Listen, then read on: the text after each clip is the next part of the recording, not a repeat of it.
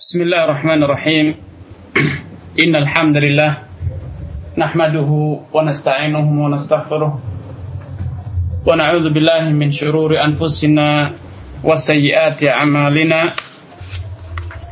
من يهده الله فلا مضل له ومن يضلل فلا هادي له أشهد أن لا إله إلا الله وحده لا شريك له وأشهد أن محمدا عبده ورسوله Amma ba' Pendengar yang semoga senantiasa dirahmati Allah subhanahu wa ta'ala Dimanapun anda berada Alhamdulillah kembali Allah subhanahu wa ta'ala Mempertemukan kita di sore yang berbahagia ini Dalam keadaan aman, tentram, damai sentosa tanpa ada gangguan apa pun yang berarti untuk kehidupan kita. Tidak lupa salawat serta salam untuk kita aturkan kepada Nabi kita Nabi Muhammad sallallahu alaihi wasallam kepada keluarganya dan juga kepada sahabat-sahabatnya yang dengan setia mendampingi setiap derap langkah Rasulullah SAW dalam mengajarkan dinul Islam hingga akhirnya beliau memenuhi panggilan Allah Subhanahu wa taala di akhir hidupnya. Ikhwani wa tema pertemuan kita masih membahas kitab Safinatun Najah fima yajibu 'ala al-'abdi maulah. Pada pertemuan yang telah lalu kita telah membahas tentang 10 persyaratan sah dan wajibnya wudhu pada pertemuan yang lalu telah dijelaskan berbagai persyaratan-persyaratan yang disebutkan oleh ulama-ulama Syafi'iyah yang berhubungan dengan syarat wajib ataupun syarat sahnya wudhu. Dan pada kesempatan sore ini dengan izin Allah Subhanahu wa taala kita akan membicarakan membahas tentang hal-hal yang dapat merusak, membatalkan wudhu Anda Syekh Salim memulai pembahasan ini dengan mengatakan faslun nawaqidul wudu'i arba'atu asya. Pasal hal yang dapat membatalkan wudhu itu ada empat hal katanya. Dengan tegas di sini Syekh mengatakan pembatal wudhu menurut madhab Syafi'i itu hanya ada empat hal, tidak lebih dan tidak kurang. Dengan demikian dipahami dengan jelas bahwa selain keempat hal ini, menurut madhab syafi'i dan itulah yang difatwakan oleh ulama-ulama syafi'i sejak dahulu hingga sekarang, hanya ada empat hal. Sehingga hal-hal yang tidak disebutkan di sini berarti menurut madhab syafi'i tidaklah membatalkan wudhu. Walaupun sejatinya ada beberapa hal lain yang itu menurut ulama lain selain madhab syafi'i. Bahkan menurut sebagian ulama syafi'i. Namun pendapat tersebut bukanlah pendapat yang mewakili madhab syafi'i. Masih ada beberapa hal yang dapat membatalkan wudhu dan nanti insya Allah pada akhir pembahasan kita saya akan berupaya untuk melengkapi pembahasan kita dengan menyebutkan hal-hal yang diperselisihkan oleh para ulama tersebut. Poin pertama yang menurut madhab syafi'i membatalkan wudhu. Al-awwalu kata Syekh Salim Al-Hadrami rahmatullah Al-khariju min ahadis sabilaini min kubulin au duburin rihun au ghairuhu illa al-mani. Kata beliau, pembatal wudhu pertama ialah segala sesuatu yang keluar dari sabilain dari dubur ataupun kubul rihun au baik berupa angin atau selain angin. Illal mani kecuali air mani. Baik. Di sini Syekh menyatakan pembatal wudhu pertama ialah segala sesuatu yang keluar dari dubur dan kubul. Baik berupa angin kotoran air seni. Baik berupa hal-hal yang biasa keluar dari dubur orang yang normal atau kubul orang yang normal ataupun benda-benda yang jarang atau langka. Namun bisa keluar dari dubur dan kubul. Misalnya bebatuan. Orang yang mengalami kencing batu misalnya bisa jaja dari kemaluannya mengeluarkan kerikil kecil. Atau misalnya orang yang mengalami penyakit cacingan bisa saja dari duburnya mengeluarkan cacing. Maka keluarnya cacing dari dubur ini menurut mazhab Syafi'i membatalkan wudhu. Sehingga yang menjadi pedoman pembatal wudhu pertama inilah tempat keluar. Dengan demikian, bila barang yang sama keluar dari tempat lain selain dubur dan kubul, maka itu tidak membatalkan wudhu ini kesimpulan ini dapat kita pahami langsung dari penjelasan Syekh Salim karena beliau mengatakan al khariju min ahadis sabilain segala sesuatu yang keluar dari dubur dan kubul. Dan demikian bila angin keluar dari dubur atau dari kemaluan maka itu membatalkan wudhu. Namun bila angin yang serupa keluar dari selain kubul dan dubur Misalnya dengan bersendawa, walaupun sama-sama baunya tidak sedap, maka itu tidak membatalkan wudhu. Padahal sama-sama aromanya tidak sedap. Berdasarkan hal ini, Al-Imam Syafi'i taala mengatakan berarti itu sebagai bukti nyata bahwa yang menjadi pedoman dalam membatalkan wudhu ialah tempat keluarnya, bukan barang yang keluar. Karenanya, bila ada orang yang mengalami gangguan uh, misalnya atau luka di perutnya tertusuk misalnya sehingga mengeluarkan kotoran dari perutnya. Maka keluarnya kotoran tersebut tidak membatalkan wudhu begitu juga misalnya keluarnya darah. Bila darah keluar dari luka maka itu tidak membatalkan wudhu namun bila darah tersebut keluar dari dubur ataupun kubul maka darah tersebut membat keluarnya darah tersebut membatalkan wudhu karena keluar dari dubur dan kubul.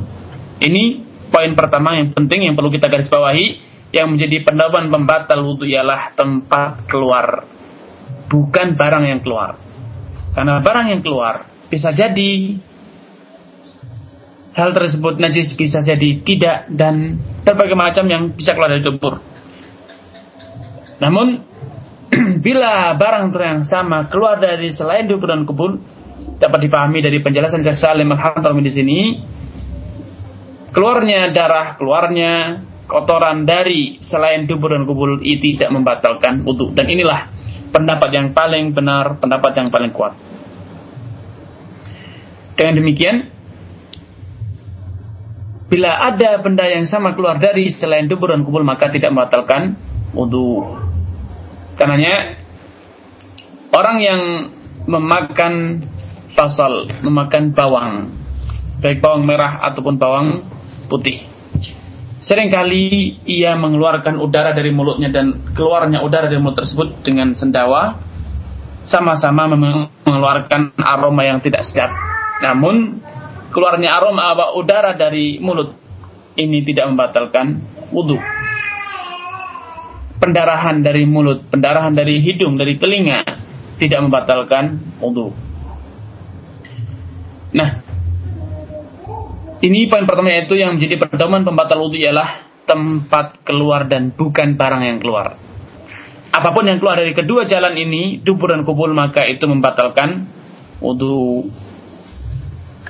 Hal ini yang menjadi pedoman Al-Imam Syafi'i mengatakan bahwa yang menjadi kaidah pembatal wudhu adalah tempat keluar itu berdasarkan banyak hadis, banyak riwayat dari Rasulullah SAW yang menegaskan bahwa apa pun yang keluar dari dubur dan kubul ini membatalkan wudhu. Misalnya hadis Ali bin Abi Thalib radhiyallahu taala anhu. Beliau meriwayatkan, mengisahkan bahwa kuntu rajulan madza. Dahulu semasa hidup Rasulullah SAW, aku itu lelaki yang mudah sekali terbangkitkan syahwatnya sehingga mudah mengeluarkan madi. Maka aku malu untuk bertanya kepada Rasulullah SAW dikarenakan putri beliau adalah istriku. Akhirnya aku perintahkan Al-Maghdad Ibn Al-Aswad radhiyallahu taala untuk bertanya kepada Rasulullah SAW dan menanggapi pertanyaanku ini Rasulullah SAW bersabda yaghsilu dzakarahu wa yatawadda hendaknya ia membasuh kemaluannya dan selanjutnya ia berwudu dalam riwayat lain misalnya hadis Tauban radhiyallahu taala anhu beliau menjelaskan pada suatu hari Rasulullah sallallahu alaihi wasallam qa'a fatwadda. Beliau mengeluarkan qai, mengeluarkan apa namanya? mutah. Kemudian beliau berwudu. Tauban menjelaskan bahwa pada kisah ini Rasulullah Shallallahu Alaihi Wasallam berwudu seusai beliau e, mengeluarkan qai, mengeluarkan mutah. Namun menurut para ulama hadis tauban ini tidak dapat dijadikan dasar untuk mengatakan bahwa keluarnya mutah dari mulut seseorang ini dapat membatalkan wudhu. Dikarenakan ternyata pada riwayat lain dijelaskan bahwa sejatinya Rasulullah SAW berwudhu tersebut sejatinya Rasulullah SAW setelah beliau uh, apa namanya maaf setelah beliau bermutah uh, dari mulutnya tersebut sejatinya yang beliau lakukan adalah fa'aftar bukan fatawadda beliau bukannya berwudu namun berbuka puasa. Karenanya tidak diingkari bahwa tidak dipungkiri bahwa memang keluarnya mutah dari mulut. Bila itu disengaja itu dapat membatalkan puasa, bukan membatalkan wudhu. Dengan demikian, dengan adanya klarifikasi dari riwayat lain bahwa sejatinya yang terjadi bukannya berwudhu, namun Rasulullah SAW berbuka puasa ini jelas menjelaskan bahwa kita bahwa muntah itu tidak membatalkan wudhu. Ikhwani wa di antara dasar yang melandasi Al-Imam Syafi'i menyimpulkan bahwa yang menjadi pedoman bahwa pembatal wudhu itu adalah sesuatu yang keluar dari dubur ialah hadis Abu Hurairah radhiyallahu taala anhu beliau di, beliau meriwayatkan dari Rasulullah SAW suatu hadis yang menyatakan la salata li ahadikum idza ahdatha hatta yatawadda selanjutnya Abu Hurairah ditanya oleh perawi oleh murid beliau dinatakan mal hadat ya Abu Hurairah? Beliau mengatakan fusya'un audrat yang disebut dengan fusa apa namanya hadat ialah fusa audrat itu keluarnya angin dari dubur yang tidak disertai dengan suara atau keluarnya angin yang uh, disertai dengan suara. Pada awal hadis tadi Abu Hurairah mengatakan Rasulullah SAW menegaskan bahwa orang yang telah hadat salatnya tidak akan diterima hingga ia berwudu. Dan ketika Abu Hurairah diklarifikasi lebih lanjut tentang arti hadat, ternyata beliau menjelaskan bahwa yang dimaksud hadat ialah keluarnya angin dari dubur yang berupa kentut, baik kentut yang bersuara ataupun kentut yang tidak bersuara.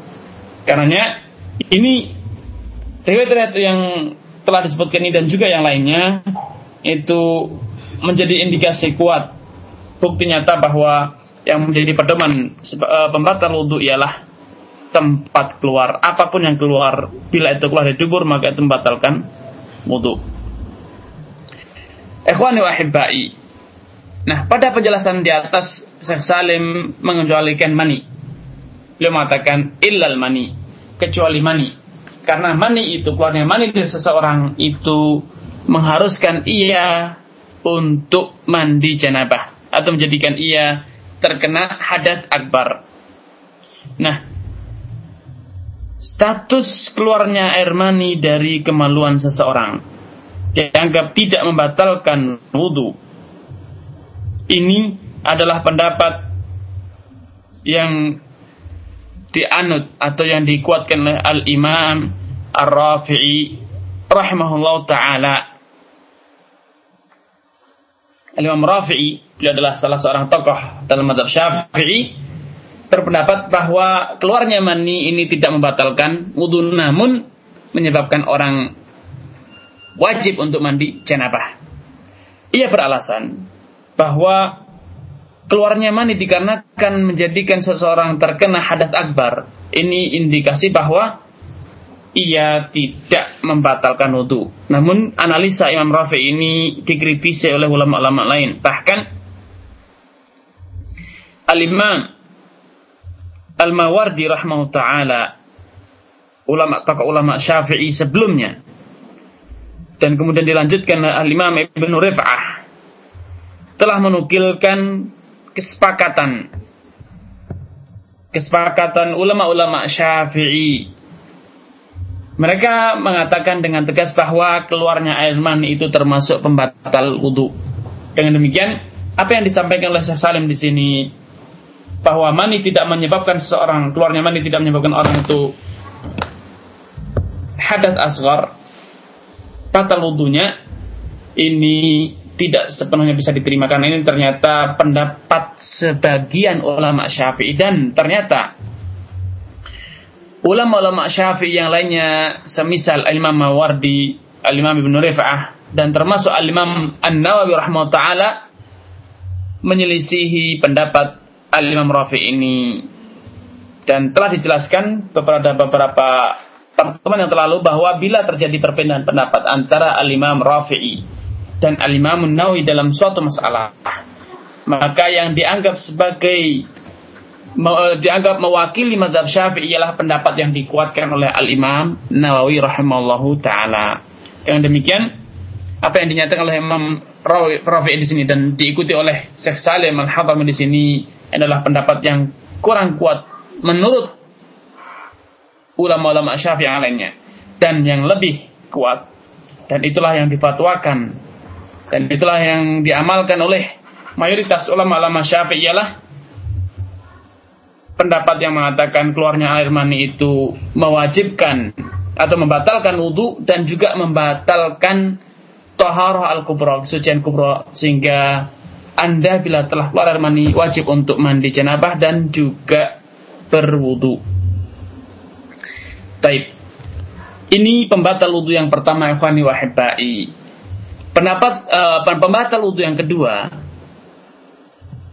والثاني زوال العقل بنوم أو غيره إلا نوم قاعد ممكن مقعده من الأرض Pembatal wudhu kedua ialah hilangnya kesadaran, baik hilang karena tidur atau karena faktor yang lainnya.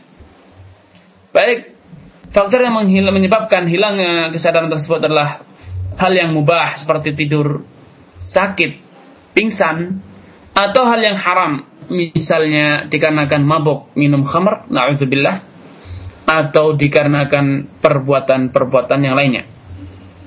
Dengan demikian asalkan kesadaran Anda hilang. Anda kehilangan kesadaran misalnya dikarenakan dibius atau karena tidur atau karena pingsan na'udzubillah atau na'udzubillah lagi meminum minuman yang menyebabkan Anda mabuk maka ini membatalkan wudu. Illa nauma qa'idin mumakkinan maq'adahu minal ard kecuali bila Anda dalam keadaan ketika tidur dalam keadaan duduk bersila sehingga Anda kedua pantat Anda menempel mantap di atas lantai. Dengan demikian, dubur Anda yang merupakan jalan keluarnya angin atau kentut dapat tersumbat dengan uh, kulit yang di sekitar dubur karena Anda duduk dengan uh, tegak.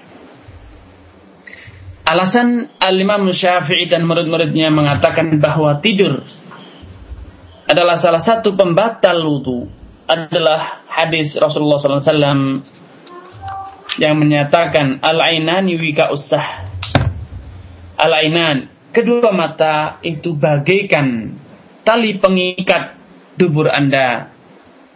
Faida namatil ainan. Sehingga bila kedua mata Anda telah terpejam karena tidur.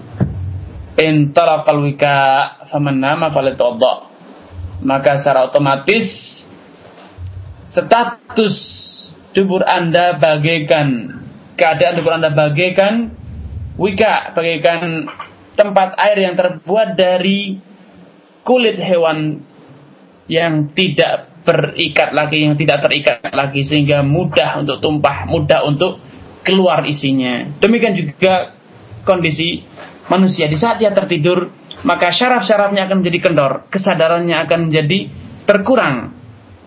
Sehingga syaraf-syaraf sebelumnya yang mengatur urat-urat sekitar dubur akan kendor dan bila telah kendor maka akan rentan mengeluarkan angin dan itu setelah menjadi sunatullah biasanya orang yang tertidur dengan nyenyak itu biasanya mengeluarkan angin. Ikhwan wa. Dari hadis di atas yang telah saya bacakan, ya hadis yang riwayat Abu Abu Dawud, Ibnu Majah dan juga yang lainnya, dapat dipahami sejatinya tidur bukanlah pembatal yang asli, namun tidur hanyalah suatu kondisi yang rentan sering sekali menjadi atau terjadi padanya al-hadat, terjadi hadat pembatal wudhu. Namun dikarenakan naum tidur itu merupakan madinah, kondisi yang sering sekali terjadi hadat tanpa Anda sadari, maka para fuqaha, para ulama menfatwakan bahwa tidur itu termasuk pembatal wudhu. Maksudnya adalah satu kondisi yang rentan, sering sekali terjadi hal-hal yang membatalkan wudhu. Misalnya tanpa sadar keluar angin, tanpa sadar menyentuh kemaluan dan hal yang serupa. Nah, ini sesuai dengan kaidah yang digariskan oleh para ulama yang menyatakan yunazzalu tunazzalul madinnatu manzilal ma'in manzilatal ma'innah. Madinnah, kondisi yang sering terjadi suatu hal. Ini dihukumi seperti hukum hal tersebut. Misalnya tidur adalah kondisi yang sering terjadi hadat. Maka tidur dianggap sebagai hadat. Yang dihukumi sebagai hadat. Safar. Safar itu adalah suatu kondisi yang sering sekali kita mengalami masyakkah, kerepotan, kesusahan. Karenanya para ulama menghukumi safar bagaikan masyakkah sehingga ketika safar kita disyariatkan dibolehkan untuk tidak berpuasa. Ketika safar kita dibolehkan untuk kosor salat, untuk menjamak salat dan lain sebagainya. Ikhwan wa pada penjelasan di sini Syekh mengatakan zawalul akli binomin au ghairihi. Yang menjadi pembatal ialah hilangnya kesadaran. Dengan demikian, apa pun yang menjadikan kesadaran Anda drop atau hilang, maka itu membatalkan wudhu baik yang halal ataupun yang haram, mabuk ataupun dengan dibius atau yang serupa. Namun Syekh mengatakan illa nauma qa'idin mumakkinin maq'adah kecuali bila Anda tertidur dalam keadaan duduk bersila sehingga kedua pantat Anda mantap menempel di lantai. Pengecualian ini berdasarkan riwayat-riwayat yang mengisahkan bahwa dahulu para sahabat tatkala mereka menanti salat Isya bersama Rasulullah SAW, sebagian mereka tertidur bahkan sebagian mereka tertidur hingga mendengkur. Anas ibn Malik radhiyallahu taala meriwayatkan kan ashabu Rasulullah sallallahu alaihi wasallam yanamun Thumma yusalluna wa la yatawadda'un. Dahulu Rasulullah. Dahulu sahabat Rasulullah sallallahu alaihi wasallam itu tertidur menanti Rasulullah SAW memimpin mereka salat. Thumma yusallun dan tatkala Rasulullah SAW telah keluar dari rumahnya untuk memimpin sahabat-sahabat salat, mereka langsung bangkit dan langsung salat tanpa terlebih dahulu berwudu. Hadis ini diriwayatkan oleh Muslim dan pada riwayat Abu Abu Imam Abu Dawud radhiyallahu taala kita dapatkan satu tambahan riwayat yang menjelaskan kondisi para sahabat ketika tidur kala itu. Dalam riwayat Abu Dawud dinyatakan hatta takhfiqa ru'usuhum wa kana dzalika ala ahdi Rasulullah sallallahu alaihi wasallam. Mereka tertidur hingga kepalanya terkantuk-kantuk. Penjelasan bahwa kepala yang terkantuk-kantuk ini menjadi bukti nyata yang jelas bahwa ternyata tidurnya para sahabat ketika menanti Rasulullah SAW keluar untuk memimpin mereka salat berjamaah ternyata kondisinya adalah dalam keadaan terduduk karena secara logika tidak mungkin orang kepalanya terkantuk-kantuk kecuali bila ia tidur dalam keadaan duduk atau berdiri. Dan logika lagi menambahkan bahwa namanya menanti biasanya menanti itu dalam keadaan duduk. Karena orang e, sebagaimana kita juga dapat kita ketahui bahwa orang yang tidur dalam keadaan berbaring atau terlentang atau miring ke kiri atau ke kanan tidak mungkin kepalanya bisa terkantuk-kantuk. Sehingga demikian secara singkat kita dapat pahami bahwa tambahan riwayat Abu Dawud yang mengatakan kepala mereka terkantuk-kantuk ini bukti nyata bahwa para sahabat yang tertidur tersebut tidurnya bukan dalam keadaan berbaring namun dalam kondisi duduk. Nah, berdasarkan riwayat ini ulama-ulama Syafi'ah mengatakan bahwa tidur dalam keadaan e, bersila sehingga posisi kedua pantat ini menempel ke lantai dengan mantap ini tidak membatalkan wudhu. Karena para sahabat yang jelas mereka tertidur dan kemudian mendirikan salat bersama Rasulullah tanpa terlebih dahulu berwudhu. Namun para ulama Syafi'ah memberikan catatan. Karena tadi telah dijelaskan bahwa alasan atau hikmah para sahabat yang tertidur namun tidak berwudu untuk e, melakukan salat karena kan mereka duduk sambil terduduk e, tidur sambil duduk dengan mantap karena biasanya kalau duduk mantap bersila lubang dubur tabat tersumbat dengan rapat oleh e, apa namanya kulit-kulit dan daging pantat kita sehingga ini cukup sebagai bukti nyata bahwa sejatinya ketika kita tidur tidak mengeluarkan angin atau apa-apa. Karena kalau kita duduk dalam keadaan bersila dan mantap, walaupun kita ingin mengeluarkan angin, maka biasanya dengan susah payah angin itu dapat keluar kalau kita duduknya dalam keadaan bersila tanpa menggoyangkan pantat sedikit pun. Dan ini saya yakin Anda semuanya menyadari dan mengetahui hal tersebut. Kemudian poin ketiga yang dapat membatalkan wudhu ikhwani wa ahibbai iltiqa'u basyaratai rajulin wa imra'atin kabiraini ajnabiyaini min ghairi ha'ilin persentuhan kulit lelaki dengan wanita yang keduanya sama-sama telah dewasa ajnabiyain dan keduanya bukan mahram min ghairi ha'ilin tanpa ada penghalang.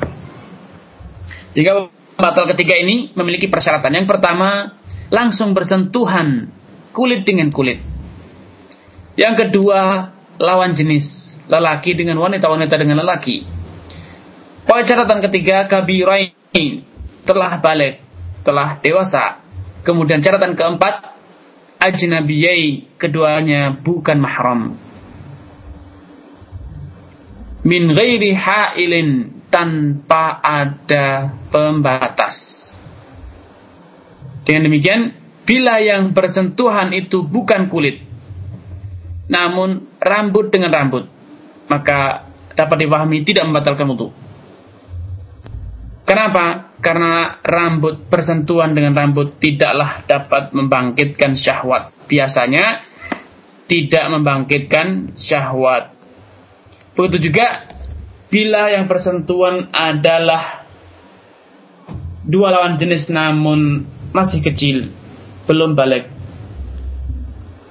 Maka biasanya tidak membangkitkan syahwat. Atau kalaupun lawan jenis persentuhan kulit dengan kulit telah balik. Namun ternyata keduanya adalah saudara mahram, ibu dengan anak, kakak beradik dengan bibi, tentu tidak persentuhan ini tidak membangkitkan syahwat. Kecuali orang yang telah rusak fitrahnya, orang yang telah rusak akhlaknya, maka dia dapat saja terbangkit syahwatnya walau dengan mahramnya sendiri na'udzubillah. Min ghairi ha'ilin. Demikian pula biasanya bila persentuhan dengan adanya pembatas dari luar pakaian dari apa namanya sentuhan yang gelap Ikhwan wahai pendengar yang semoga dirahmati Allah Subhanahu wa taala. Syekh Salim pada poin ketiga ini menyebutkan bahwa pembatal ketiga ialah persentuhan kulit dengan kulit lawan jenis kulit uh, dengan lawan jenis langsung kulit dengan kulit. Kemudian sama-sama telah balik dan kedua orang tersebut adalah ajnabiyain. Bukan mahram dan sentuhannya tanpa pembatas. Dengan demikian bila salah satu dari persyaratan ini tidak terpenuhi yang bersentuhan bukanlah kulit namun rambut dengan rambut kuku dengan kuku maka ini tidak membatalkan wudhu atau yang bersentuhan adalah anak yang belum balik maka persentuhan tersebut tidak membatalkan wudhu ajnabiyai atau yang bersentuhan adalah orang yang satu mahram maka tidak membatalkan wudhu ini persyaratan poin ketiga pembatal ketiga yaitu persentuhan dengan lawan jenis. Ulama syafi'iyah ketika menfatwakan pendapat ini, berpendapat dengan pendapat ini mereka berdasarkan berdalilkan dengan firman Allah Subhanahu wa taala dalam surat Nisa Allah menegaskan aula mastumun nisa atau engkau bersentuhan dengan wanita. Pada ayat ini dengan jelas bahwa Allah Subhanahu wa taala menyebutkan persentuhan dengan wanita setelah ia menyebutkan uh, apa namanya hadas yang berupa datang dari hajat. Dapat dipahami bahwa persentuhan dengan wanita sama hukumnya dengan buang hajat itu keluarnya uh, kotoran dari dubur ataupun kubul. Namun pendapat ini dikritisi oleh banyak para ulama Kenapa? Karena kata-kata al-lamsu atau kata-kata al-massu dalam Al-Quranul Karim biasanya diartikan dengan al-jima' berhubungan badan. Misalnya, ayat yang berhubungan dengan i'tikaf. Allah menegaskan wala tubashiruhunna wa antum ma'akifuna fil masajid. Dan janganlah kalian bersentuhan dengan istri-istri kalian di saat kalian sedang menjalankan iktikaf di masjid. Para ulama telah sepakat bahwa yang dimaksud dengan larangan bersentuhan dengan istri di sini ialah berhubungan badan. Adapun sekedar berjabat tangan, bersentuhan, maka itu tidak membatalkan iktikaf. Dan ini adalah kesepakatan para ulama. Misalnya ayat lain yang berhubungan dengan perceraian. Allah menegaskan, "Tsumma talaqtumuhunna min qabl an tamassuhun." Wahai orang yang beriman, bila kalian menikahi seorang wanita mukminah, kemudian kalian menceraikannya sebelum kalian bersentuhan dengannya. Nah, yang dimaksud dengan bersentuhan di sini, sepakat para ulama yang dimaksud ialah berhubungan badan. Namun sekedar berjabat tangan tanpa disertai syahwat, maka itu tidak menjadi penghalang maka itu tidak dianggap sebagai almas sebagai persentuhan yang menjadikan seorang wanita yang dicerai sebelum berhubungan ini tan tidak berkewajiban untuk menjalankan iddah. Kita tahu bahwa bila ada dua orang atau bila laki-laki yang menikahi seorang wanita, kemudian ia menceraikan sebelum berhubungan badan, maka wanita tersebut tidak berkewajiban melalui masa iddah. Ia boleh langsung menikah dengan lelaki lain karena tanpa ada masa iddah yang harus dilalui. Nah, yang dimaksud dengan berhubungan badan seperti yang ayat ini ialah uh, bersentuhan dengan uh, istri di sini adalah maksudnya adalah hubungan badan, bukan sekedar bersentuhan. Pada ayat lain Allah menyatakan la junaha alaikum in talaqtumun nisaa ma lam tamassuhun. Tidak mengapa engkau menceraikan wanita kalian atau istri kalian malam tamassuhun sebelum kalian bersentuhan dengannya. Sepakat para ulama yang dimaksud dengan bersentuhan di sini pada ayat ini adalah berhubungan badan. Dan masih banyak lagi ayat-ayat yang menggunakan kata almas atau alams atau al-mubasyarah yang artinya semuanya adalah bermakna hubungan badan. Oleh karena itu, Abdullah bin Abbas radhiyallahu taala anhu. Beliau yang dikenal sebagai penafsir Al-Qur'an menjelaskan bahwa Allah Subhanahu inna Allah hayyun sungguhnya Allah Subhanahu wa taala Maha pemalu. Karena bil mulamasati anil jima' beliau Allah Subhanahu wa taala merasa malu untuk menyebutkan hubungan badan langsung dengan kata hubungan badan. Karenanya ia membuat kinayah, membuat kata sindiran. Uh, hubungan badan disebutkan diungkapkan dengan kata yang lembut yaitu dengan persentuhan badan atau persentuhan. Padahal sejatinya yang dimaksud ialah jima berhubungan badan. Berdasarkan ini ulama-ulama lainnya selain ulama Syafi'iyah, ulama selain ulama Malikiyah juga berpendapat bahwa persentuhan dengan lawan jenis tidaklah membatalkan wudhu secara mutlak. Baik persentuhan dengan disertai dengan syahwat atau persentuhan dengan tanpa syahwat. Di antara alasan yang mereka gunakan untuk menguatkan pendapat mereka ialah hadis Aisyah yang diriwayatkan oleh Imam Muslim. Aisyah membuat suatu pengakuan sebagai seorang istri tentang apa yang pernah dilakukan oleh Rasulullah SAW. Beliau mengatakan, "Qabbala Rasulullah SAW ba'dha nisa'ihi thumma kharaja ila al-masjid, thumma kharaja ila al-masjid min ghairi an yamassa ma'an." Rasulullah SAW pada suatu hari mencium sebagian istrinya. Kemudian beliau segera bergegas keluar ke masjid untuk memimpin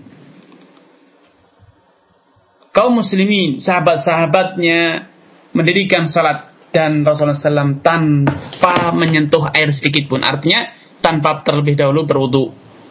Dan ulama lain disebutkan walam yatawadda dan beliau seusai mencium istrinya ini beliau tidak berwudu lagi dan langsung mendirikan salat bersama sahabatnya. Hadis ini dengan jelas menegaskan bahwa Rasulullah SAW mencium dan secara naluri, secara nalar sehat, tidak mungkin mencium bila tidak bersentuhan kulit. Karena apalah fungsinya seorang suami mencium istrinya bila ia mencium dari belakang bajunya. Dan secara logika, tidaklah mungkin seorang suami atau janggal bila seorang suami mencium istrinya tanpa disertai dengan hasrat. Karena suatu hal yang normal bila seorang suami, seorang istri mengekspresikan rasa cintanya, rasa hasratnya ini dengan ciuman. Karena pendapat yang mengatakan bahwa persentuhan dengan lawan jenis ini secara mutlak membatalkan wudhu ini kurang begitu kuat. Karena sebagian ulama syafi'iyah berusaha mencari jalan keluar dari kritikan-kritikan ini sehingga mereka mengatakan bahwa bersentuhan dengan lawan jenis dapat membatalkan wudhu bila sentuhan tersebut membangkitkan syahwat. Dengan demikian, bila persentuhan dengan lawan jenis, lawan jenis tidak membangkitkan syahwat Anda, maka tidak membatalkan wudhu. Misalnya, lawan apa namanya lawan apa namanya jenis yang Anda sentuh adalah wanita tua renta atau anak kecil. Dan ini pun diakui oleh ulama-ulama syafi'i yang lainnya. Karenanya tadi telah dijelaskan bahwa Al-Imam Sa'ad Syekh Salim sendiri juga memberikan catatan bahwa yang dimaksud pembatal ketika ialah persentuhan kulit dengan kulit antara lawan jenis dan kedua lawan jenis adalah orang yang kabirin yang telah dewasa. Ini dapat dipahami bahwa sejatinya yang menjadi alasan pembatal wudhu adalah terbangkitkannya syahwat. Karena bila syahwat telah terbangkitkan, maka itu rentan menimbulkan hal-hal yang dapat membatalkan wudhu. Misalnya dengan keluarnya madi. Sebagaimana yang diriwayatkan oleh Ali, bahwa Rasulullah SAW memerintahkan beliau bila keluar madinya agar ia membasuh kemaluannya dan berwudu. Karenanya dari penjelasan yang telah diutarakan di atas Syekhul Islam Ibnu Taimiyah rahimahullah dan juga yang lainnya memberikan satu kesimpulan bahwa pendapat yang paling kuat dan yang didukung oleh seluruh dalil-dalil yang ada yang berhubungan dengan persentuhan dengan lawan jenis. Dapat ditarik satu kesimpulan dan inilah pendapat yang paling kuat menurut beliau ialah bila persentuhan itu membangkitkan syahwat baik persentuhannya dengan mahram atau bukan dengan mahram baik dengan orang dewasa atau anak kecil selama syahwat Anda terbangkit dan tergerakkan maka itu berarti Anda dalam keadaan yang rentan melakukan atau mengeluarkan madhi dan bila ini telah terjadi berarti khurujan minal khilaf. Menghindari khilaf para ulama, Anda dianjurkan atau diharuskan untuk berudu. Karena pendapat yang lebih moderat ialah pendapat yang mengatakan bahwa persentuhan dengan lawan jenis bila membangkitkan syahwat maka itu dapat membatalkan wudhu. Karena para ulama syafi'i sendiri membuat pengakuan secara tidak langsung bahwa persentuhan dengan lawan jenis langsung bila walaupun tanpa penghalang bila lawan jenisnya adalah wanita yang tidak lagi dapat membangkitkan syahwat karena telah meninggal dunia maka tidak membatalkan wudhu persentuhan tersebut sebagaimana ditegaskan oleh Imam Nawawi rahimallahu taala dalam syarah Al-Muhadzab atau dalam kitab Al-Majmu' dan juga sebagaimana dijelaskan ditegas oleh beliau dalam kitabnya Ru'usul Masail. Beliau dengan tegas dalam kitab ini mengatakan yang benar menyentuh wanita lawan jenis yang telah meninggal dunia tidaklah membatalkan wudhu karena lawan jenis yang telah meninggal dunia biasanya bukanlah lawan jenis yang dapat membangkitkan syahwat bahkan sebaliknya menjadikan anda gentar menjadikan anda takut dan tidak tergerak syahwatnya. Karena kesimpulannya Ikhwan Wahibai pendapat yang lebih moderat ialah yang mengatakan bahwa persentuhan dengan lawan jenis bila tidak membangkitkan syahwat maka tidak membatalkan wudhu. Kemudian poin yang keempat yang terakhir yang disebutkan oleh Salim Masu kubulil adami au halqati duburihi bi batnir rahati au butunil asabi' menyentuh kubulil adami kemaluan manusia aw halqati duburihi atau menyentuh lubang duburnya bibat niraha dengan telapak tangan au butunil asabi' atau jari jemari dari arah depan bukan dari arah belakang bukan dengan punggung jari jemari namun dari e, perut jari jemari bagian depan nah menyentuh ini menurut madhab syafi'i secara mutlak dapat membatalkan wudhu baik kemaluan Anda sendiri atau kemaluan orang lain. Baik kemaluan orang dewasa ataupun kemaluan anak yang masih kecil belum balik.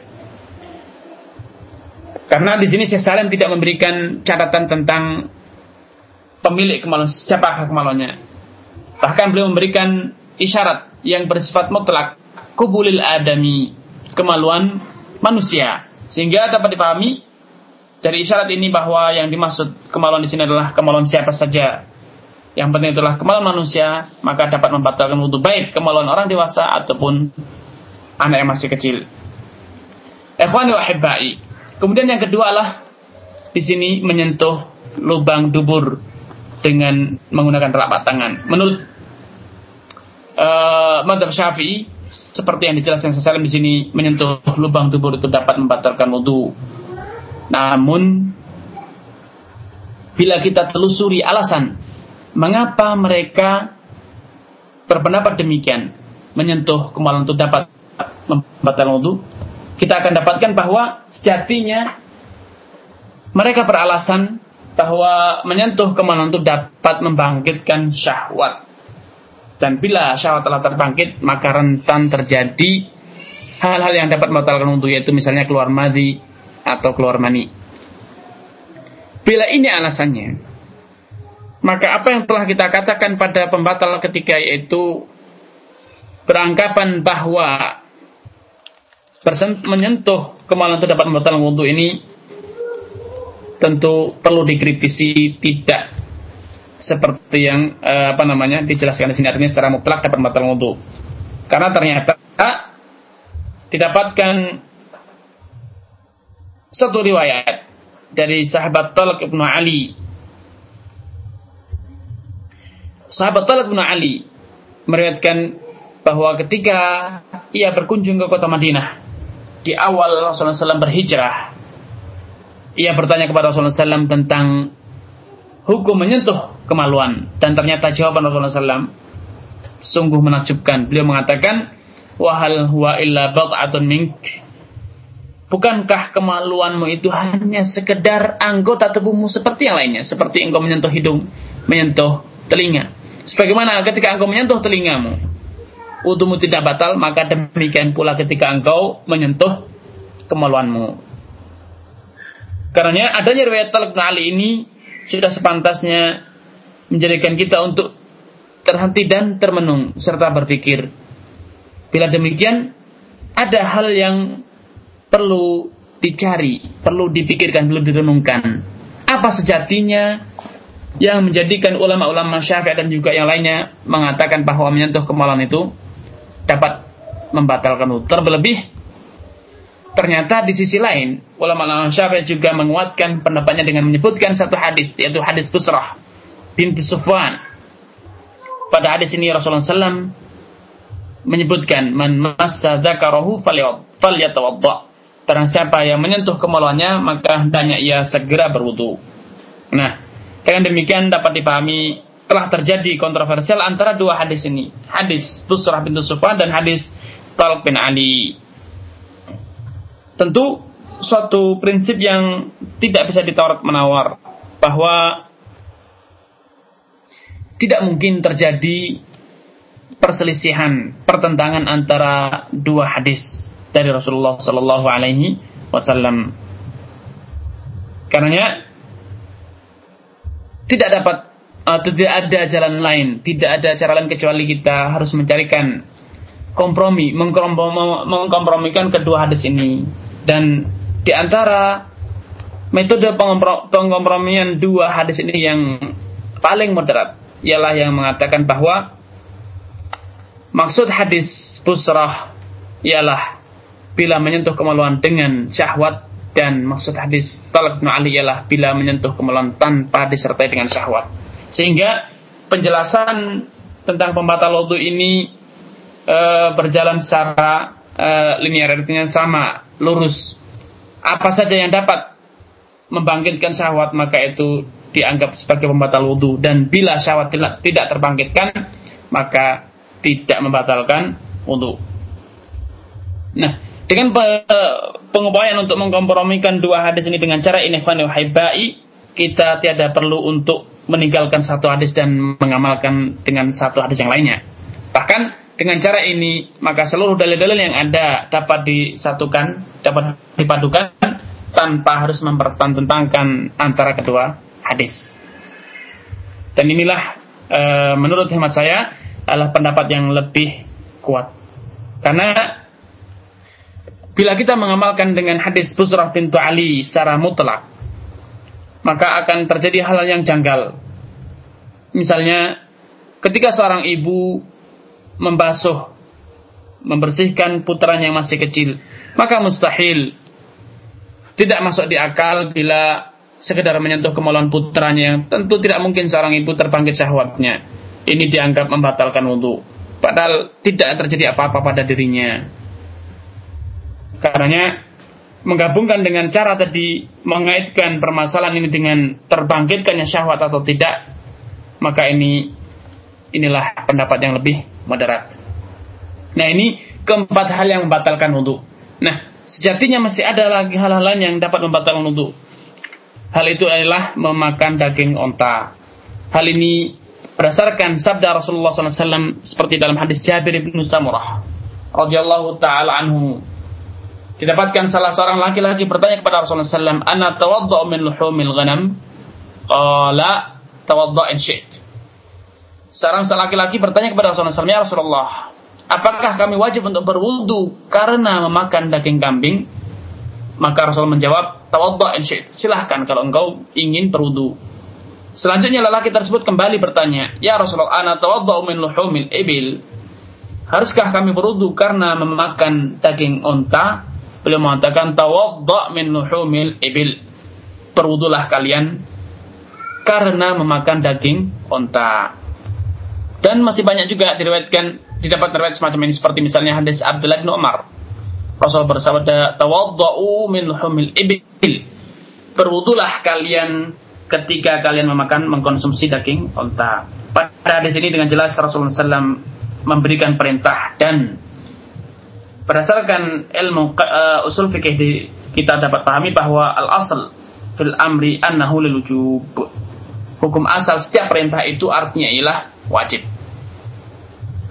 Oleh karena itu, Al-Imam Nawawi rahimahullah taala dalam kitabnya Al-Majmu' beliau dengan tegas menyelisihi madhab imamnya, madhab Imam Syafi'i.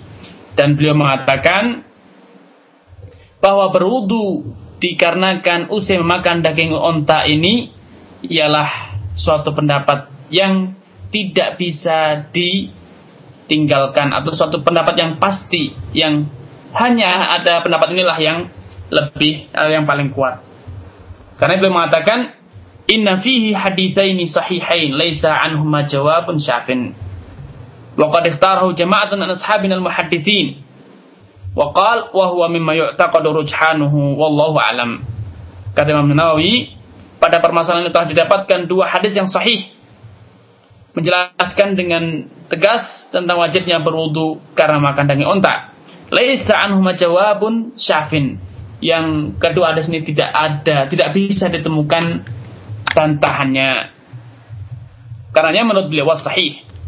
Karenanya pendapat yang benar dan itu ialah pendapat yang di dikuatkan oleh jama'atun min ashabin al-muhaddithin, dikuatkan oleh ulama-ulama Syafi'i lain yang semuanya adalah para pakar hadis. Ialah yang mengatakan bahwa wajib berwudu karena memakan daging unta. Selanjutnya beliau mengatakan wa mimma yu'taqadu. Dan pendapat inilah pendapat yang wajib untuk diyakini sebagai pendapat yang paling kuat. Subhanallah. Demikianlah objektivitas Al-Imam Nawawi rahimahullah tanpa segan-segan beliau untuk meninggalkan madhab imamnya karena telah terbukti ada hadis yang sahih yang tidak ada atau tidak mungkin dibantahkan dalam hal ini yaitu wajibnya berwudu karena memakan daging onta ini dengan demikian ada pembatal wudhu yang kelima dan masih ada lagi pembatal wudhu yang keenam yaitu aridah keluar dari agama Islam murtad na'udzubillah karena telah kita pahami telah sering kita sebutkan bahwa di antara syarat sah dan syarat wajibnya setiap amalan ialah Islam. Dengan demikian bila seseorang telah murtad, maka apalagi sekedar wudhu, Islamnya saja telah batal. Sehingga otomatis seluruh amalannya pun turut batal. Karena ikhwani wahibbai tidak dapat dipungkiri bahwa ini apa namanya keluarnya seseorang dari naudzubillah agama Islam ini termasuk membatalkan seluruh amalan dan di antaranya adalah wudhu. Ikhwani wa ini secara global beberapa pembatal-pembatal wudhu. Sebagai penutup perjumpaan kita, saya ingin menyebutkan satu permasalahan yang sering menjadi kendala, menjadi permasalahan oleh kaum muslimin dalam taharah mereka itu masalah masalah waswasah, masalah ragu bimbang. Sudah batal atau belum? Seakan-akan saya telah batal. Kayaknya ada sesuatu yang keluar dari dubur saya. Hal yang seperti ini sering, ucapan cuman ini sering kita dengar, sering kita rasakan. Sehingga menjadikan kita bimbang dan ragu. Ketahuilah ikhwan wahibbai, Islam menganut atau mengajarkan satu kaidah, satu prinsip, al-yakinu la yazulu bisyak sesuatu yang telah Anda lakukan dengan yakin, telah Anda miliki dengan yakin, maka keyakinan ini tidak boleh Anda geser, tidak boleh Anda singkirkan hanya karena keraguan-raguan yang Anda alami. Bila Anda telah yakin berwudu, kemudian Anda ragu, batal atau belum, ada yang keluar atau belum atau tidak ada, maka percayalah Anda belum batal. Dan mantaplah bahwa wudhu Anda belum batal. Namun sebaliknya, bila Anda yakin sebelumnya telah hadas, telah batal wudhu Anda, dan Anda ragu, sudah berwudhu atau belum, seakan-akan tadi saya tahu, kayaknya saya sudah berwudhu, maka percayalah Anda belum berwudhu. Karena dengan menjalankan kaidah ini, Anda akan tentram, Anda akan tenang dan tidak diombang-ambingkan oleh waswasah, oleh bisikan dan godaan keraguan-keraguan setan. Suatu hari syukui ila Rasulullah SAW rajulun. Suatu hari dikeluhkan kepada Rasulullah SAW perihal seseorang yang senantiasa bimbang dalam salatnya. Akharaja yajidu fi batni syai'an. Ia senantiasa merasakan ada sesuatu yang keluar dari perutnya wala yadri akhraja minhu amla dan ia tidak bisa memastikan apakah ia telah keluar uh, mengeluarkan sesuatu atau belum. Di dalam lain disebutkan ia mendapatkan sesuatu yang bergerak di duburnya. Apakah ia harus keluar dari sholatnya? Maka Rasulullah menjawab dengan satu jawaban yang sangat indah. Bila kita terapkan maka akan mendatangkan ketenangan dan ketentraman dalam ibadah kita. Beliau mengatakan layan sarifan min salatih Jangan sekali-kali lelaki tersebut keluar dari sholatnya hatta yajidarihan aw yasma'a sauta. Hingga ia benar-benar mendapatkan rihan, mendapatkan aroma tidak sedap karena ia mencium aroma kentut. Aw yasma'a sauta. Ya, atau ia mendengarkan suara kentut yang jelas-jelas itu suara kentut.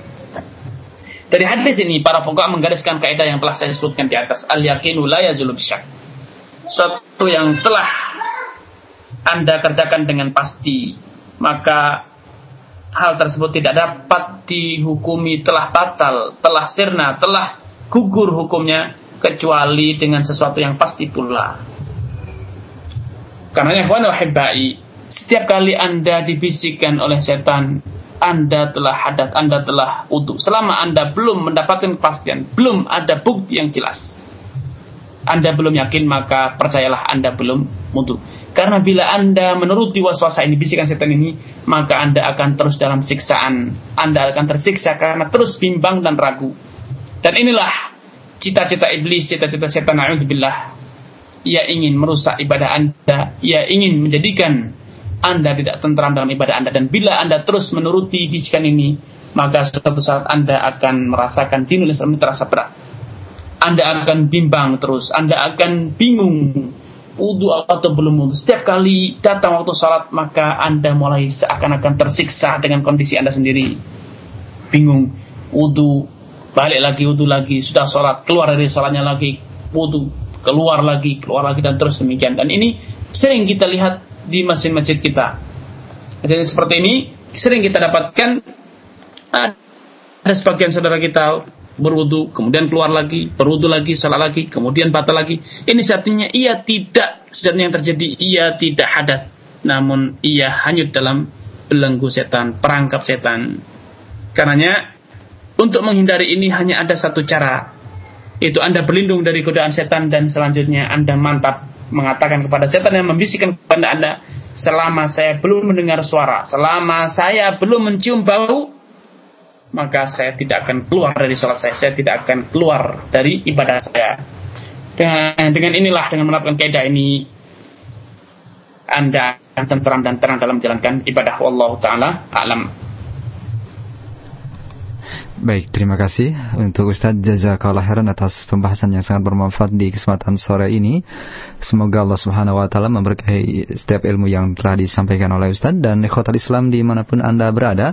Berikutnya kita memasuki sesi tanya jawab dari uh, pembahasan yang tadi disampaikan oleh Ustadz. Kami berikan kesempatan untuk Anda melalui pesan singkat di 0819896543 atau melalui telepon di 021823 6543. Baik, yang pertama kita angkat pertanyaan dari pesan singkat Ustaz ya. Dari beberapa pertanyaan yang sama melalui pesan singkat ada Pak uh, Hendra di Bekasi, kemudian Pak uh, Cahyono di Jakarta yang bertanya, uh, ya Ustad, ya Ustad, apakah uh, merokok uh, membatalkan wudhu? Karena sebagian uh, besar kalangan awam dari kaum muslimin uh, tidak mempermasalahkan setelah wudhu kemudian merokok dan kemudian bisa langsung sholat. Mohon penjelasan dari Ustad. Ya. Akhwani wahibai Pertama-tama saya ucapkan terima kasih kepada Pak Hendra dan juga Pak, Pak Cahyono atas kerendahan hati Bapak berdua menyimak kajian kita sore ini. Semoga Allah Subhanahu wa taala melimpahkan taufik dan hidayah sebagai balasan atas kerendahan hati Bapak berdua. E, merokok atau rokok tidak diragukan adalah suatu pekerjaan yang nista, pekerjaan yang hina dina, pekerjaan yang jelas-jelas menghambur-hamburkan harta kekayaan dan mengancam keselamatan jiwa Anda. Karena tidak ada perselisihan di antara para ulama bahwa merokok itu adalah perbuatan tercela. Bahkan banyak para ulama dan itu pendapat yang saya yakini itu sudah pendapat yang lebih tepat dan lebih kuat yang mengatakan bahwa merokok adalah perbuatan yang haram. Bagaimana tidak haram? Dia mengancam kesehatan Anda, kemudian harta Anda Anda bakar Anda sia-siakan tanpa ada manfaat sedikit pun yang Anda peroleh kecuali hanya memuaskan kecanduan psikologis Anda. Eh, uh, tanpa diragukan bahwa rokok adalah pekerjaan yang tidak baik dan menimbulkan aroma yang tidak baik pula. Padahal Rasulullah Shallallahu Alaihi Wasallam dengan jelas ketika beliau menyebutkan thawm wal basal. Bawang merah dan bawang putih. Beliau mengatakan man akala min hataini syajarataini fala yaqrabanna masjidana fa innal malaikata yata'adzawna mimma yata'adza minhu ibnu adam. Pada saat yang makan dua tumbuhan ini yaitu basal, bawang dan kurat dan lobak, maka janganlah ia mendekati masjid kami karena sungguhnya para malaikat merasa terganggu dari segala hal yang mengganggu manusia. Dan tidak diragukan bahwa aroma rokok, bau mulut perokok itu tidak sedap. Saya yakin setiap orang yang masih dalam keadaan fitrah belum kecanduan rokok, pasti ia merasa tidak nyaman, tidak sedap dengan aroma mulut perokok. Bahkan para perokok pun menyadari hal ini, karenanya sebagian perusahaan memproduksi uh, uh, apa namanya cairan untuk kumur-kumur untuk menghilangkan bau tidak sedap rokok. Karenanya tidak diragukan bahwa orang yang usai merokok tidak sepantasnya langsung sholat namun hendaknya ia membersihkan terlebih dahulu menghilangkan terlebih dahulu aroma rokoknya. Namun itu tidak membatalkan wudhu yang demikian apa yang ditanyakan tadi? Orang yang merokok langsung sholat secara hukum secara sah-sah saja sholatnya. Namun jelas pahalanya akan berkurang. Kenapa? Malaikat yang berat amalannya akan senantiasa terganggu dengan aroma mulutnya. Dan secara logika, bagaimana layakkah seorang muslim menghadap kepada Allah Subhanahu wa taala raja di raja, penguasanya yang menciptakannya dalam keadaan mulutnya bau tidak sedap. Saya yakin Anda tidak akan sudi, bahkan akan malu serta takut, gentar bila mulut Anda masih dalam keadaan menghepulkan asap rokok, mengeluarkan aroma tidak sedap rokok. Kemudian Anda bercakap-cakap dengan misalnya seorang gubernur, menteri atau presiden, saya yakin Anda tidak akan melakukannya. Anda pasti akan sewot dan berusaha mencari pengharum mulut untuk bercakap-cakap mereka. Nah, bagaimana halnya dengan Allah Subhanahu wa taala anda bermunajah, bercakap-cakap dengan Allah Subhanahu wa taala dengan salat melalui salat Anda, namun mulut Anda terus-menerus mengeluarkan aroma yang tidak sedap. Nah, itu tentu ini adalah tidak layak dan tidak beradab dengan Allah Subhanahu wa taala wallahu taala alam.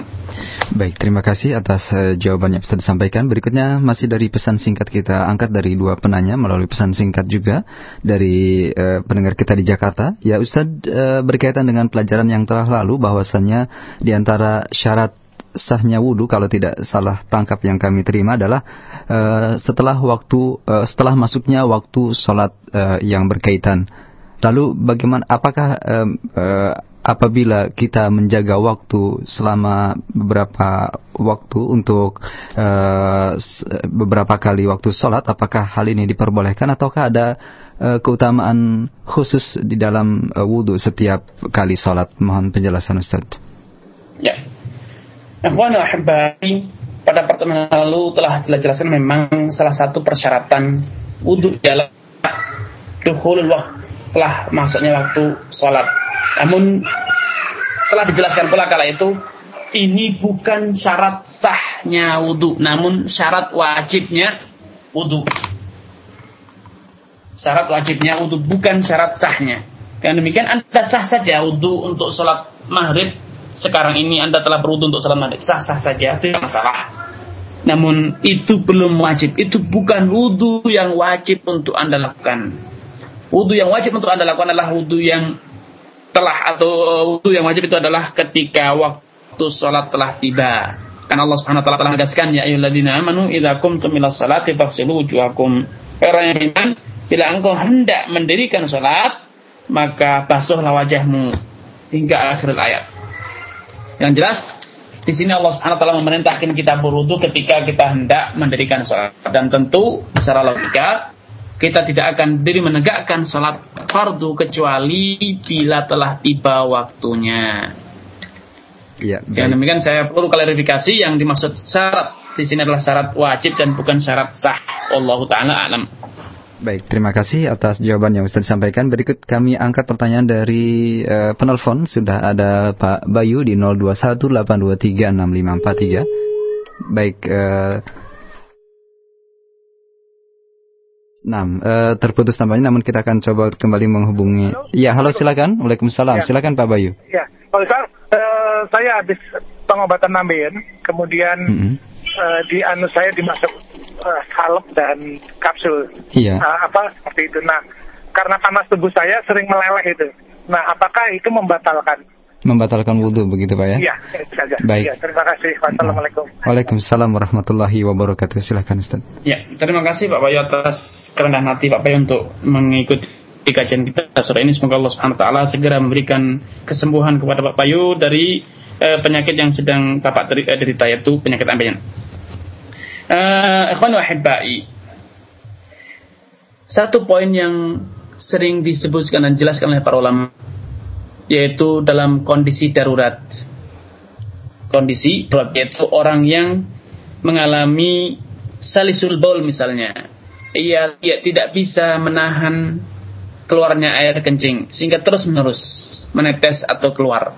Atau orang yang salisul rih, orang yang tidak bisa menahan kentut sehingga terus menerus ia keluar kentut tanpa jeda tanpa ada batas waktu tertentu. Maka para ulama mengatakan orang yang mengalami kondisi semacam ini mereka dihukumi sebagai hukum darurat. Artinya wudhunya tetap sah. Mereka tidak dikatakan batal wudhunya dikarenakan apa? Dikarenakan keluarnya angin atau angin yang keluar atau air seni yang keluar itu adalah eh, apa namanya dalam kondisi darurat yang tidak bisa berhenti. Karena mereka walaupun keluar angin, keluar air seni, mereka dianggap masih sah wudhunya. Namun perlu catatan tertentu bahwasanya ketika mereka hendak sholat, mereka hendaknya berwudu sebelum sholat. Dan setelah berwudu hendaknya ia segera sholat. Tidak boleh ia menunda atau eh, apa namanya berwudu jauh sebelum tiba waktu sholat. Karena ini adalah kondisi darurat. Dengan demikian, eh, kondisi yang dialami Pak Bayu karena kan yang menggunakan eh, obat yang dimasukkan lewat dubur yang tentunya akan melelah dan keluar kembali keluar lewat lubang dubur. Ini bisa dihukumi seperti orang yang mengalami salisul baul orang yang tidak bisa menahan air seninya. Sehingga saya katakan hendaknya Pak Bayu ketika hendak sholat ia terlebih dahulu wudhu dan seusai wudhu ia segera sholat ia berusaha mendekatkan antara wudhu dengan awal sholatnya dan ini berlaku pada sholat-sholat fardu. Adapun sholat sunnah maka boleh Pak Bayu menggunakan wudhu yang Bapak gunakan, eh, Bapak lakukan sebelum sholat fardu, kemudian dengan wudhu yang sama Bapak sholat sunnah, misalnya ba'diyah atau sholat sunnah yang lainnya, tidak masalah kalau kondisi atau kalau sholatnya adalah sholat sunnah. Namun untuk sholat fardu, sebagai kehati-hatian para ulama menfatwakan, hendaknya Pak Bayu mengulang wudhu setiap kali Pak Bayu hendak menjalankan sholat fardu setelah dan setelah berwudu langsung segera mendirikan sholat fardu tersebut. Wallahu taala alam. Baik, terima kasih jazakallah khairan atas jawaban Ustaz. Berikut dari penelpon yang kedua ada Pak Kris di Tambun Bekasi. Silakan Pak. Ya, Assalamualaikum warahmatullahi wabarakatuh. Waalaikumsalam warahmatullah. Mohon maaf Bapak dikecilkan radionya Pak. Ada ada feedback Pak. Nah, silakan. Oke, oke, oke, oke. uh, ada yang ingin saya tanyakan Pak. Iya. Uh, masalah wudhu itu kan uh, kembali lagi ke masalah air.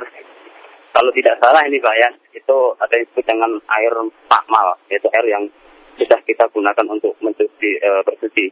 Iya. Biasanya setelah kita membasuh, membasuh muka, itu air yang sisa dari membasuh muka itu akan kembali lagi ke uh, telapak tangan kita dan selanjutnya kita membasuh ke uh, anggota wudhu yang lainnya yaitu kedua tangan. Nah, apakah air yang uh, sudah uh, sebagian yang sudah digunakan untuk membasuh muka itu yang kembali ke uh, telapak tangan itu yang uh, biasanya masih ada sisa terus untuk membasuh telapak tangan Hmm. itu apakah wudhu kita sah atau tidak pak? Atau dengan kehati-hatian kita kita berusaha untuk uh, menghilangkan air mustakmal itu yang Hmm. sisa yang telah kita pakai untuk membasuh muka. Baik. Mohon penjelasannya pak. Baik, Terima kasih pak. Nah, terima kasih kembali untuk Pak Kris. Silakan Ustaz. Baik, terima kasih Pak Kris eh, atas kerendahan hati Pak Kris menyimak kajian kita sore ini. Semoga Allah Subhanahu taala menambahkan taufik dan keberkahan kepada Pak Kris dan keluarga sebagai balasan atas kerendahan hati Pak Kris. Taib, air yang dikatakan oleh para fuqaha sebagai air musta'mal, air yang telah digunakan untuk bersuci. Setelah kita sampaikan pada awal-awal kajian kita pada kitab ini, kitab Safinatun Najah bahwa apa yang dinyatakan oleh para ulama-ulama Syafi'i bahwa ada air yang mustakmal si itu air yang telah digunakan untuk bersuci dan air itu tidak lagi boleh digunakan untuk berwudu atau bersuci yang lainnya ini adalah pendapat yang kurang begitu kuat. Karena menyelisihi keumuman ayat-ayat dan hadis-hadis yang menyebutkan tentang kesucian air misalnya waja'alna minal ma'i eh, Allah Subhanahu wa taala misalnya mengatakan wa nazzalna minas sama'i ma'an tahura. Kami turunkan dari langit air yang suci. Ah, air yang turun dari langit air hujan ini adalah suci. Hukum asalnya adalah suci. Dan status kesucian air ini tidak boleh kita sirnakan kita anggap hilang kecuali dengan sebab yang jelas dan dalam hadis lain Rasulullah mengatakan innal ma'a tahurun la yunajjisu syai. Sungguhnya air itu suci dan tidak dapat berubah menjadi najis kecuali bila telah berubah salah satu karakternya. Nah, berdasarkan keumuman dalil-dalil ini, pendapat yang lebih kuat ialah yang mengatakan bahwa pembagian air menjadi air musta'mal ini adalah pendapat yang kurang kuat, kurang mendasar. Karenanya tidak masalah kalaupun air yang telah Bapak gunakan untuk membasuh wajah itu menetes kembali di telapak tangan Bapak dan kemudian digunakan kembali untuk membasuh wajah ini, ini setnya tidak masalah. Tidak masalah dan sah-sah saja wudhu Bapak Allah Ta'ala alam.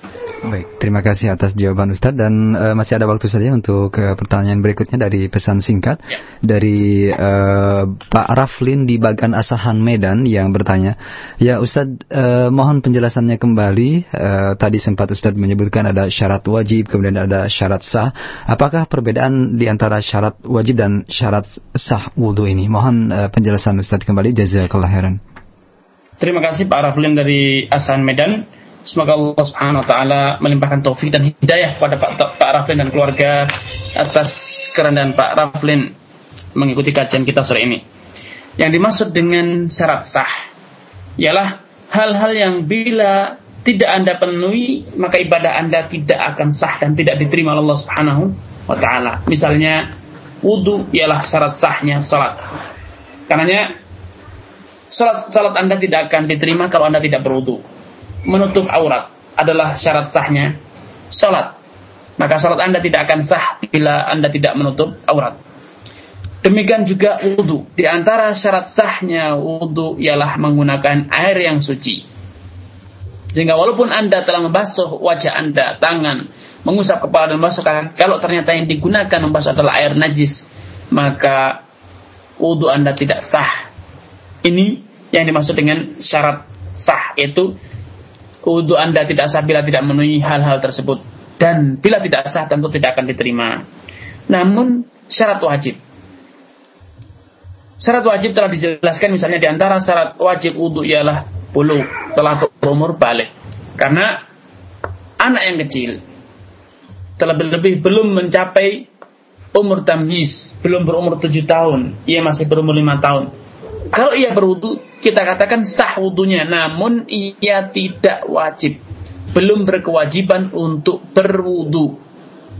sholat. Ia sholat dengan sempurna, namun sholatnya belum wajib. Kenapa? Ia belum mencapai umur balik. Sehingga ia sah, ia mendapatkan pahala, namun ia tidak dosa bila dengan sengaja meninggalkan amalan tersebut. Dengan sengaja tidak berwudu, dengan sengaja tidak sholat. Atau dengan sengaja wudunya tidak sempurna. Ia tidak berdosa. Walaupun ia insya Allah izin Allah sebatas yang ia kerjakan yang mendapatkan pahala. Karenanya pada suatu hari ketika Rasulullah SAW menunaikan ibadah haji, tiba-tiba ada segerombol wanita dari kabilah Khatam. Spontan salah seorang dari wanita dari kabilah Khatam ini bertanya kepada Rasulullah SAW yang mengatakan sambil mengangkat putranya yang masih kecil. Alihada hajjun ya Rasulullah. Apakah putraku ini yang masih kecil ini mendapatkan pahala haji bila ia turut berhaji menjalankan haji bersamaku? Rasul mengatakan, "Na'am walaki ajrun." Ia mendapatkan pahala dan engkau pun mendapatkan pahala karena telah bersusah payah membawanya menunaikan manasik haji.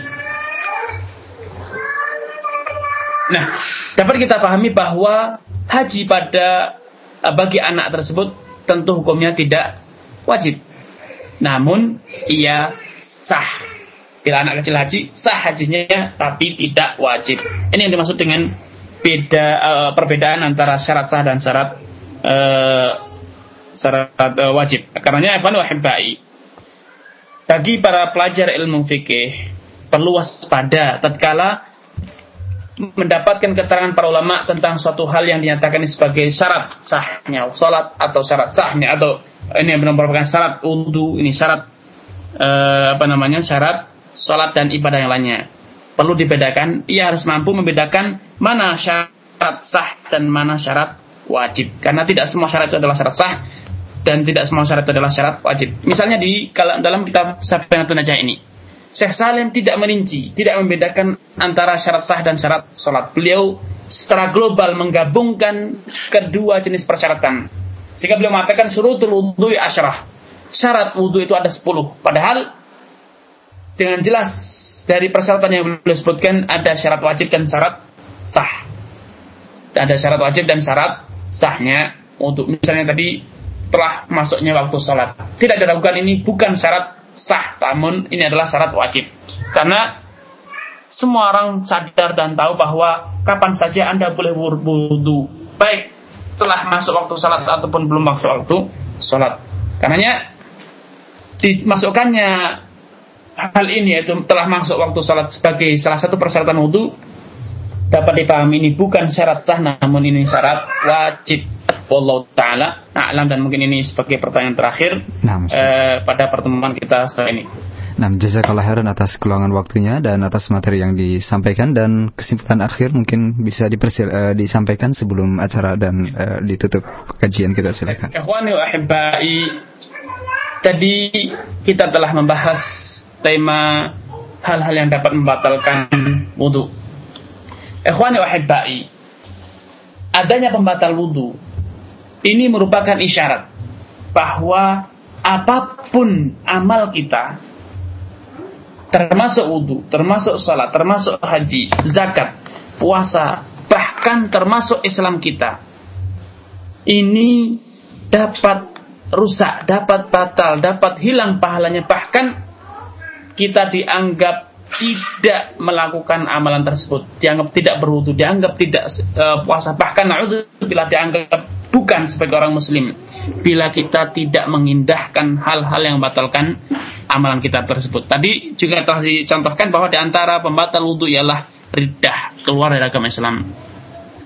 Karena ikhwani wahibbai, ini sebagai pelajaran penting bagi kita bahwa sejatinya setiap amalan ada pembatalnya. Nah, perkenankan saya bertanya dan memberikan satu tantangan kepada Anda semua. Sudahkah Anda mengetahui pembatal-pembatal amalan Anda selama ini? Sudahkah Anda mengetahui pembatal wudhu? Sudahkah Anda mengetahui pembatal salat? Sudahkah Anda mengenali pembatal zakat? Sudahkah Anda mengenali pembatal puasa, haji, dan ibadah yang lainnya. Jangan sampai kita merasa menduga bahwa saya telah beramal soleh yang banyak.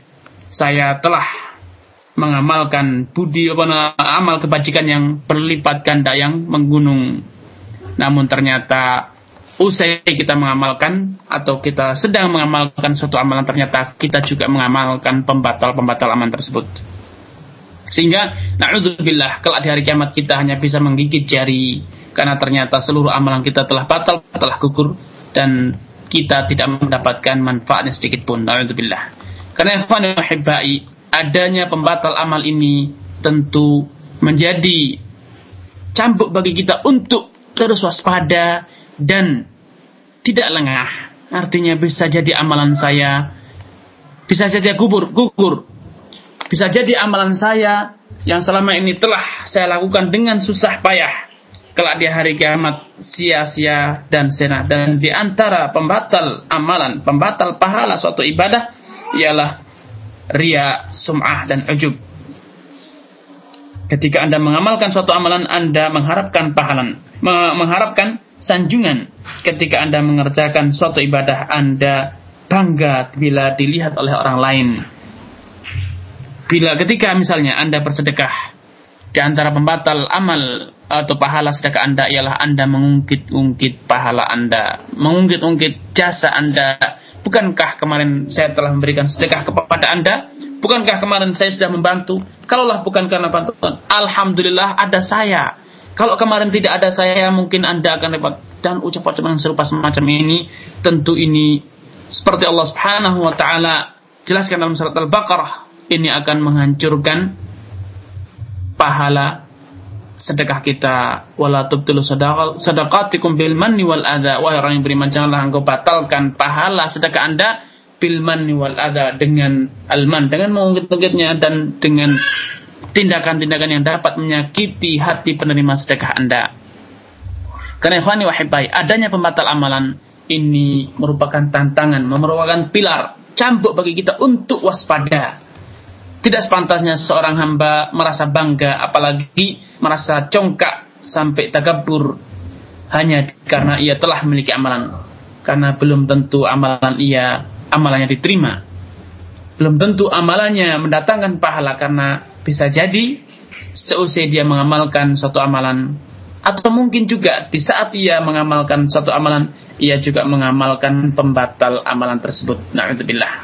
Karena ya wahibai kenalilah pembatal-pembatalan amalan Anda karena ternyata setiap amalan ada pembatalnya, salat ada pembatalnya dan insya Allah akan kita ketahui pada waktunya. Puasa ada pembatalnya, haji ada pembatalnya, termasuk Islam Anda ada pembatalnya. Sudahkah Anda ikhwan wahibai mengenal apa saja pembatal Islam Anda? Jangan-jangan selama ini Anda mengamalkan amalan-amalan yang dapat membatalkan Islam Anda na'udzubillah. Dan bila ini terjadi maka betapa meruginya Anda dan berapa sengsaranya Anda. Karenanya dalam Al-Quran Al Karim dalam hadis juga sering kali kita dapatkan peringatan-peringatan keras dari Rasulullah SAW tentang pembatal-pembatal amalan semacam ini. Karena ikhwan marilah kita terus belajar dan terus belajar kita terus berbenah diri, kita terus waspada, meningkatkan kewaspadaan kita agar setiap amalan yang kita kerjakan tidak batal gara-gara pekerjaan dan ulah tangan kita sendiri. Dan agar setiap amalan yang kita kerjakan benar-benar mendatangkan pahala yang dapat menghantarkan kita ke dalam surga. Namun apa boleh daya kalau bila selama ini kita lengah, kita tidak waspada sehingga tanpa kita sadari kita telah menghancurkan seluruh amalan perbuatan kita.